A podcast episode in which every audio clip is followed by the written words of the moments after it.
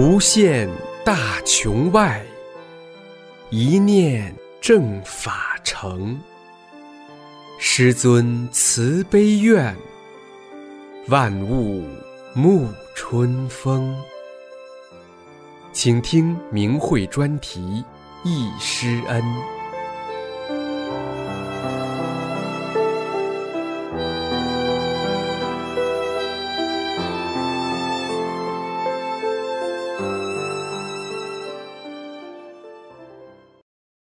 请听明慧忆师恩专题文章，题目是《师尊在北京传功讲法的神奇事》。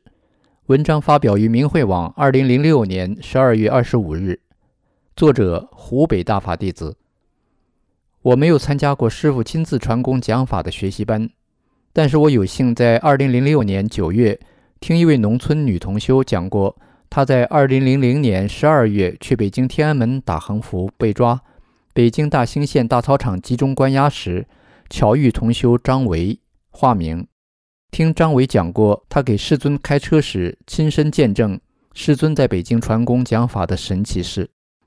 由于这位女同修从小没上过学，没什么文化，现根据同修回忆张维当时的口述整理如下：一九九二年至一九九四年，师父在北京传功讲法。我做过师傅传功讲法班的工作人员，由于我是开车的出身，因此我就有幸给师尊当司机。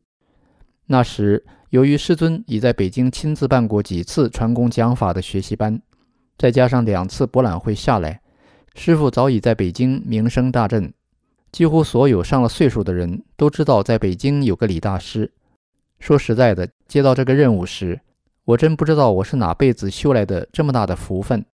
只觉得我能给师傅开车是无比的幸福和神圣。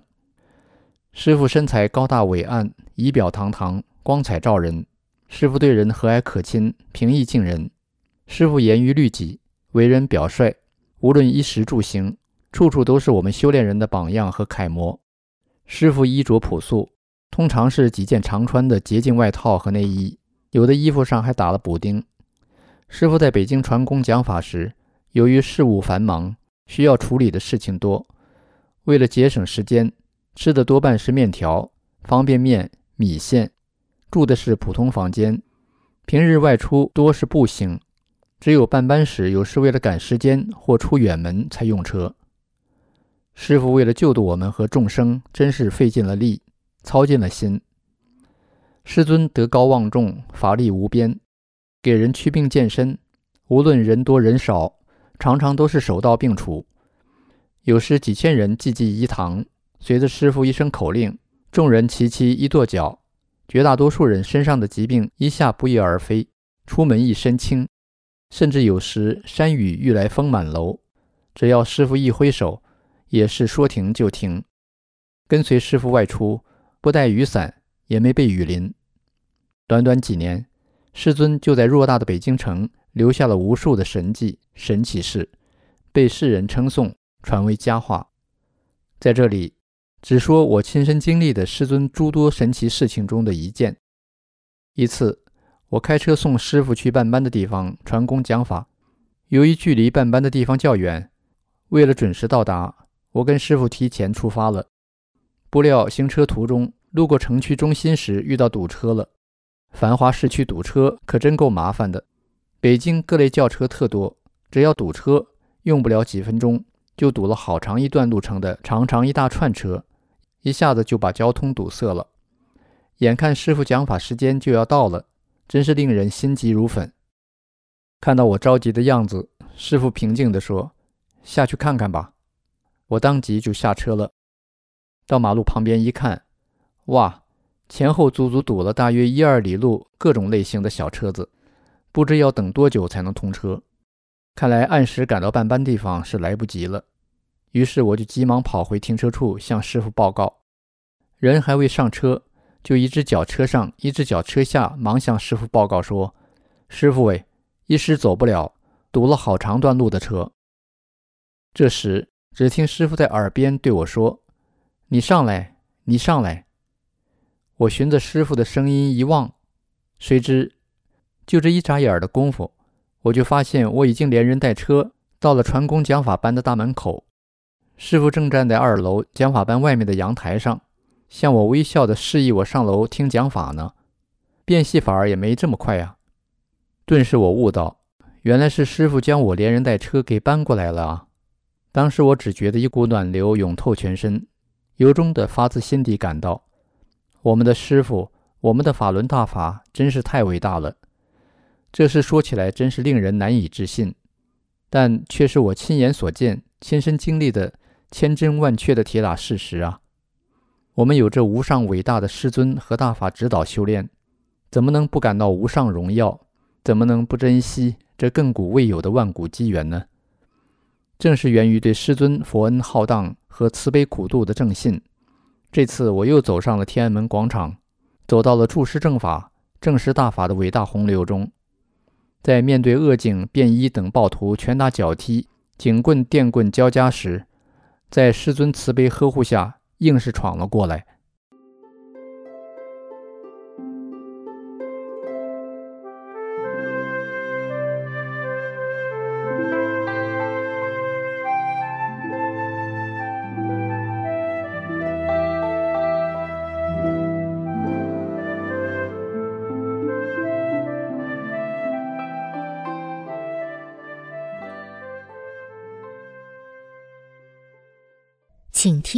明慧忆师恩专题文章，回忆师尊来齐齐哈尔传法的日子。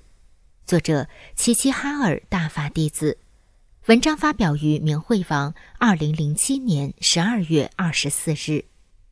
我是齐齐哈尔大法弟子，每每回忆见到师父的幸福时光，内心便充盈着喜悦。那还是一九九三年夏月的一天，五一宾馆刚刚开业，我当时是宾馆的服务员，当时只有二十三岁。那时全国上下气功热，我们宾馆同时就有几位气功师来骑士办班住在这里。可是给我们印象最深、最让人难忘的。就是住在电梯门口三零一房间的大气功师李老师。李老师高高的身材，年轻，气宇轩昂，身着白色衬衫，显得干净清爽，而且总是微笑着，平易近人，对不同年龄、不同职位的人都一样的和颜悦色。每每要求我打开房间时，便客气简单的说：“麻烦你把我房间打开。”李老师的房间人员往来不断，总是被身边的人簇拥着。我们就猜想，这人一定是位高人，可是他又没有大官的架子。去餐厅吃饭，李老师让大家坐下，大家也不坐下。都毕恭毕敬的等老师落座才坐下。一日我下夜班，清晨八点左右，我敲门来到李老师房间，他们几个人好像正在商量什么事情，我便对李老师说：“李老师，我身体不好，这难受那儿难受，说出许多症状。”李老师客气地说：“你稍等一下。”过一会儿，我帮你调整一下。我出去等了二十分钟，便等不及了。因刚下夜班，着急回家，就又去敲门进了房间。李老师见我着急，便对身边的弟子说：“你去帮他调整一下身体。”那个弟子随我到一空房间，让我与他面对面站立。他看到我病的原因，并说。你小小年纪，心思这么重呢？什么事不要想太多，看得开一些。你看你身上这些不好的东西，边说边抓。这么年轻，以后要开开心心生活。我回答：是。七八分钟后，顿觉浑身轻松，心情舒畅。第二天，我找到为我调病的弟子，问他要多少钱。他说：“我们不收费，没关系。”他们不收费，我又想表示对他们的感激。一日，我将自家地里的西红柿等瓜果拿到宾馆，想送到他们房间。那位弟子说：“没有关系，你的心意我们领了，我们不接受馈赠。”就这样，大概八天左右，李老师一行人离开了宾馆。一九九六年，姑姑引导我学法，宾馆也有人学，都说这法好。我当时身体不好，便走入大法修炼。我患有偏头疼，浑身无力，坐不住，总是躺着，扫帚也拿不起来。修炼中不知不觉，这些病症都消失了。我开始在法中精进，在练功点集体学法练功，被宇宙大法的宏大法理所折服。二零零一年十二月三十日的元旦前夕，由于我与同修向人们讲法轮功受迫害真相，而被当地一派出所绑架，被扣了一夜。我当时没有害怕，发了一夜正念，心想这里不是我待的地方。请求师傅加持我出去，并对警察讲真相。第二天，家人多方做工作为我办理保外，警方让我签字，扬言我不写三书，不写保证，明天就把我扔进劳教所去。我心想，豁出来，宁可扔进劳教所，也绝不写三书。就在我发出这坚定一念的同时。做笔录那个警察马上站起来，快速合上笔录本，不耐烦的一挥手，吐出的两个字竟是“走吧”。我便与家人回到了家。每每回忆起师傅的音容笑貌，便感到无比的幸福。如今，我与亿万大法弟子一样，在大法中精进着，为救度众生而奔波着。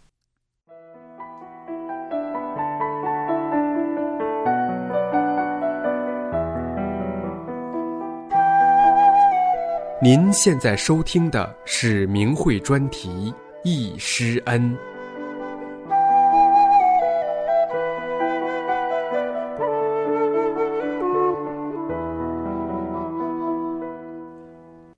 请听明慧易师恩专题文章，题目是《回忆师父来陵园传法前后的几件事》。文章发表于明慧网，二零零七年五月二十七日，作者童宇。我是一个非常幸运的人，曾经参加过师傅在安徽合肥举办的传法班。此后经邀请，师傅来到了辽宁陵园传法。以下是我回忆师傅来陵园传法前后发生在我身边的几件事：一、修炼前我就见到了师傅。那是一九九三年六月的一天，天气很热，我在一座山上的地里正在给向日葵松土施肥。抬头时，看见一位身穿练功服、头戴草帽的人从山腰处向我走来。当时我就感到此人气度不凡，感觉是一位高人。这位高人走到我跟前，我不由自主地脱口说：“师傅，你上哪儿去？”这位高人说：“看你受的累。”我又说：“师傅，旁边还有一块闲地，师傅你种吧。”高人又说：“我要种地，到上边种去。”等我再抬头一看，高人不知去哪儿了。一九九三年九月末，我从《中国体育报》中看到中国气功科学研究会直属公派的中国法轮功将于十月八日在北京举办第十四期学习班的消息后，在十月七日就赶到北京。由于当时北京不允许集会，因此这期班就取消了。可是外地来的学员都想见师傅一面。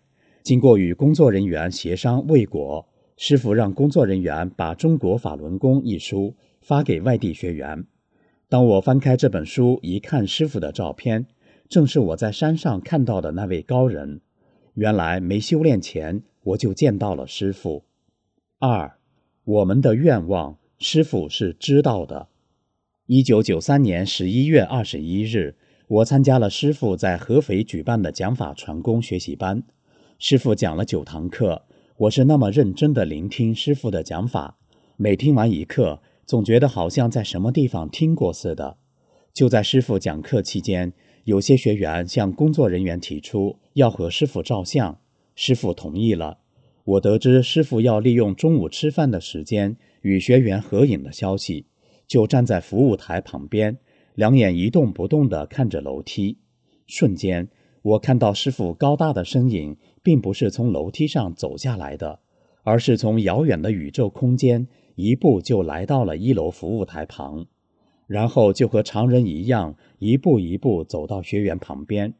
我当时感受到了师傅是那么的慈悲，那么的伟大。我只说了一句：“师傅来了。”听课期间，我们几个学员联名给师傅写了一封信，表达我们想请师傅来陵园传功讲法的愿望。此次办班结束那天，听说师傅在这个饭店吃饭的消息，我们就来到饭店等候师傅。这时，不知谁说了一句：“师傅在等你们呢。”我们赶紧走到师傅跟前，虔诚地看着师傅。当时我的内心深处感到，这是我要找的师傅。师傅非常祥和地问我们：“你们有场地吗？领导支持吗？如果没问题，你们能有两百人，师傅就利用过年的休息时间去办班。”我们回复了师傅：“没有问题。”师傅满足了我们的愿望。三，师傅慈悲。终于来了。一九九四年二月二十日，师傅乘车来到了陵园钢铁公司。二十一日，在临钢工人文化宫举行讲法传功学习班。参加此次学习班的有来自山东、北京、吉林等地的学员，人数达八百多人。师傅的生活非常简朴。师傅在临钢招待所居住，开始给师傅安排了高间。师傅住了一宿后。就转住到普通间，住宿费是师傅自己结算的。我负责安排师傅和工作人员的用餐。师傅不搞特殊化，大家吃什么，师傅就吃什么。师傅对来听课的学员是负责任的。所有参加班的学员都由工作人员予以登记。在开班那天早晨，师傅从学员登记表中指出两个人，说不符合参加班的条件。告诉工作人员把票款退给他们。原来这两个人，一个是精神病，另一个是练其他气功的，练得已经神志不清了。一九九四年二月二十八日，师傅在临冈传法传功圆满结束。师傅来陵园传法，给大法弟子留下了无比珍贵的题词。原名：心怀真善忍，修己利与民，大法不离心。他年定超人。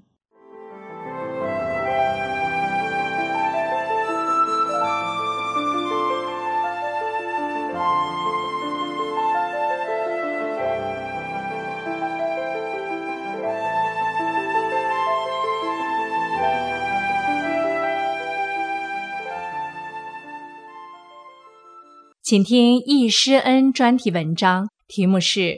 我在师傅身边见到的神奇事，文章发表于明慧网，二零零七年三月二十四日。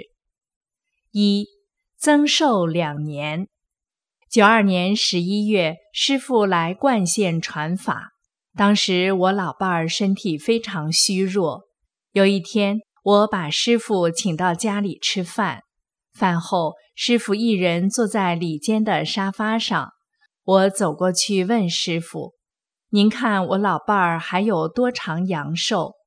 师傅说：“这话我不能说。”师傅给带来的弟子耳语了几句，那位弟子告诉我说：“不长了，将要结束。”当时我向师傅诉说了难处，要求师傅为他增寿。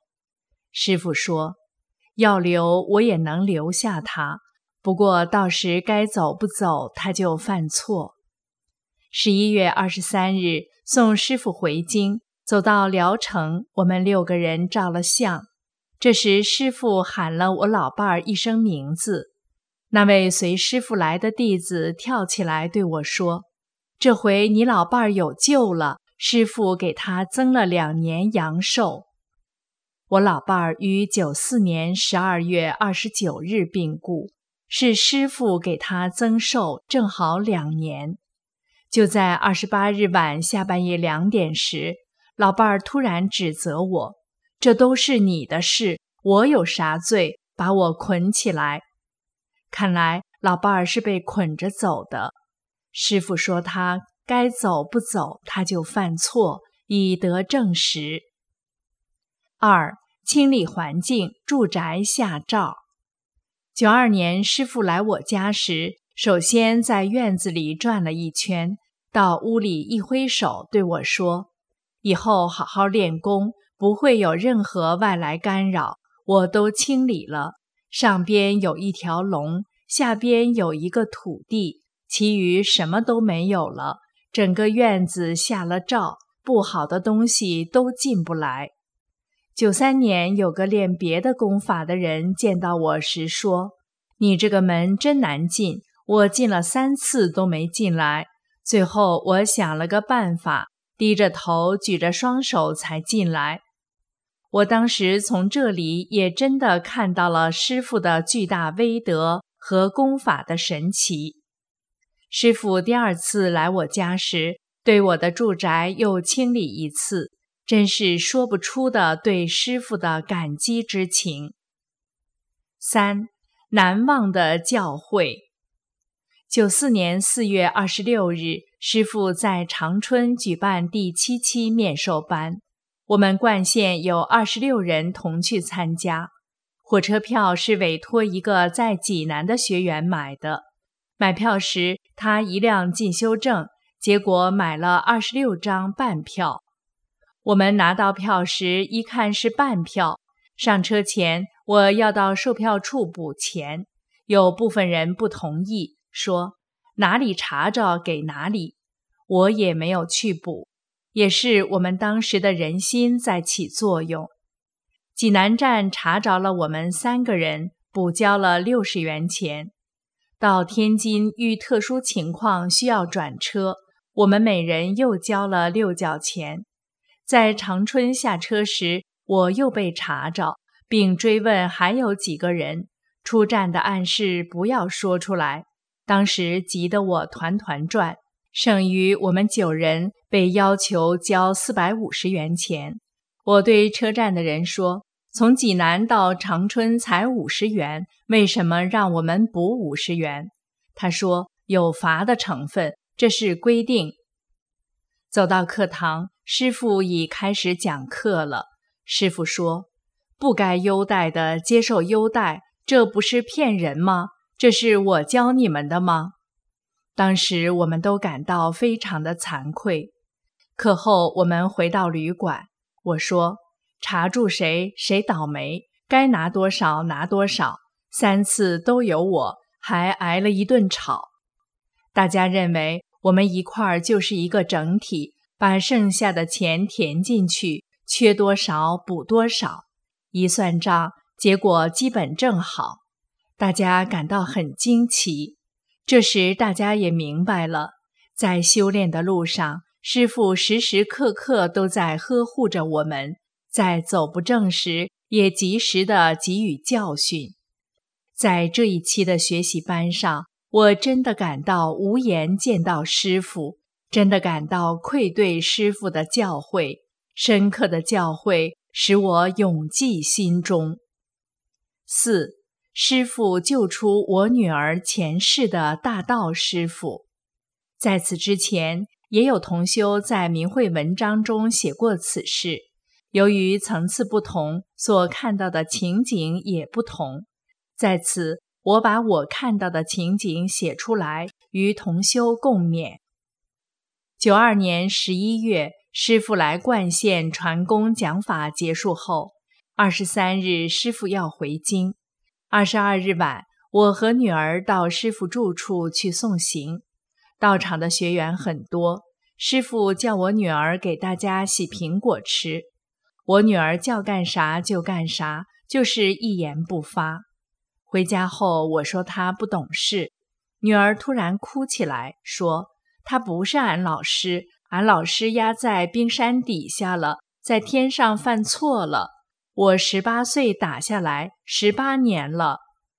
我听他说的这没头没脑的话，认为他神经有毛病。第二天送师傅到聊城时，师傅问我怎么不带女儿去玩呢？我就把昨晚的事说给师傅听。师傅听了说：“你没早说，早说我早就给他解决了。”车到平阴大桥堵车了，师傅下车到后面向东做了一个动作，回来说：“你女儿是道家的，她师傅没在冰山底下，是在冷宫里，我把她救了。今天的事你回去问问她，她知道。”这时已到中午十二点了。上车后，我闭目打坐。这时我看到一个人，头扎发揪，身穿古铜色道袍，满身黑白色阴阳鱼图形，面向西盘腿而坐，胳膊上搭一拂尘。练功结束后，我对师傅说：“灵岩寺的高人来接咱嘞。”我看见车上坐着一个和我打坐中看到的一模一样的人。师傅说：“那不是灵岩寺的，你看到的是你女儿的师傅，他穿的是道家的道袍。”回家后，我问女儿：“我去济南那天中午，你在家有什么感觉？”她说：“十二点做好饭，到院里看到给你洗的衣服干了。”我心里很高兴，我有一个好妈妈，我真幸运。我知道他高兴的原因，是我们的师傅把他下来以前的师傅从冷宫里救了出来，他才这样的高兴。以上是我步入大法修炼的一些点滴事，是我亲身经历和亲眼看到的事实。正因为有如此的神奇的事在我身边发生，使我更坚信师傅，坚信大法，修炼的心从未动摇。写出此事，我也希望那些没有跟上正法进程的同修，要坚信师傅，坚信大法，赶快爬起来，做好三件事，跟上正法进程，圆满随师还。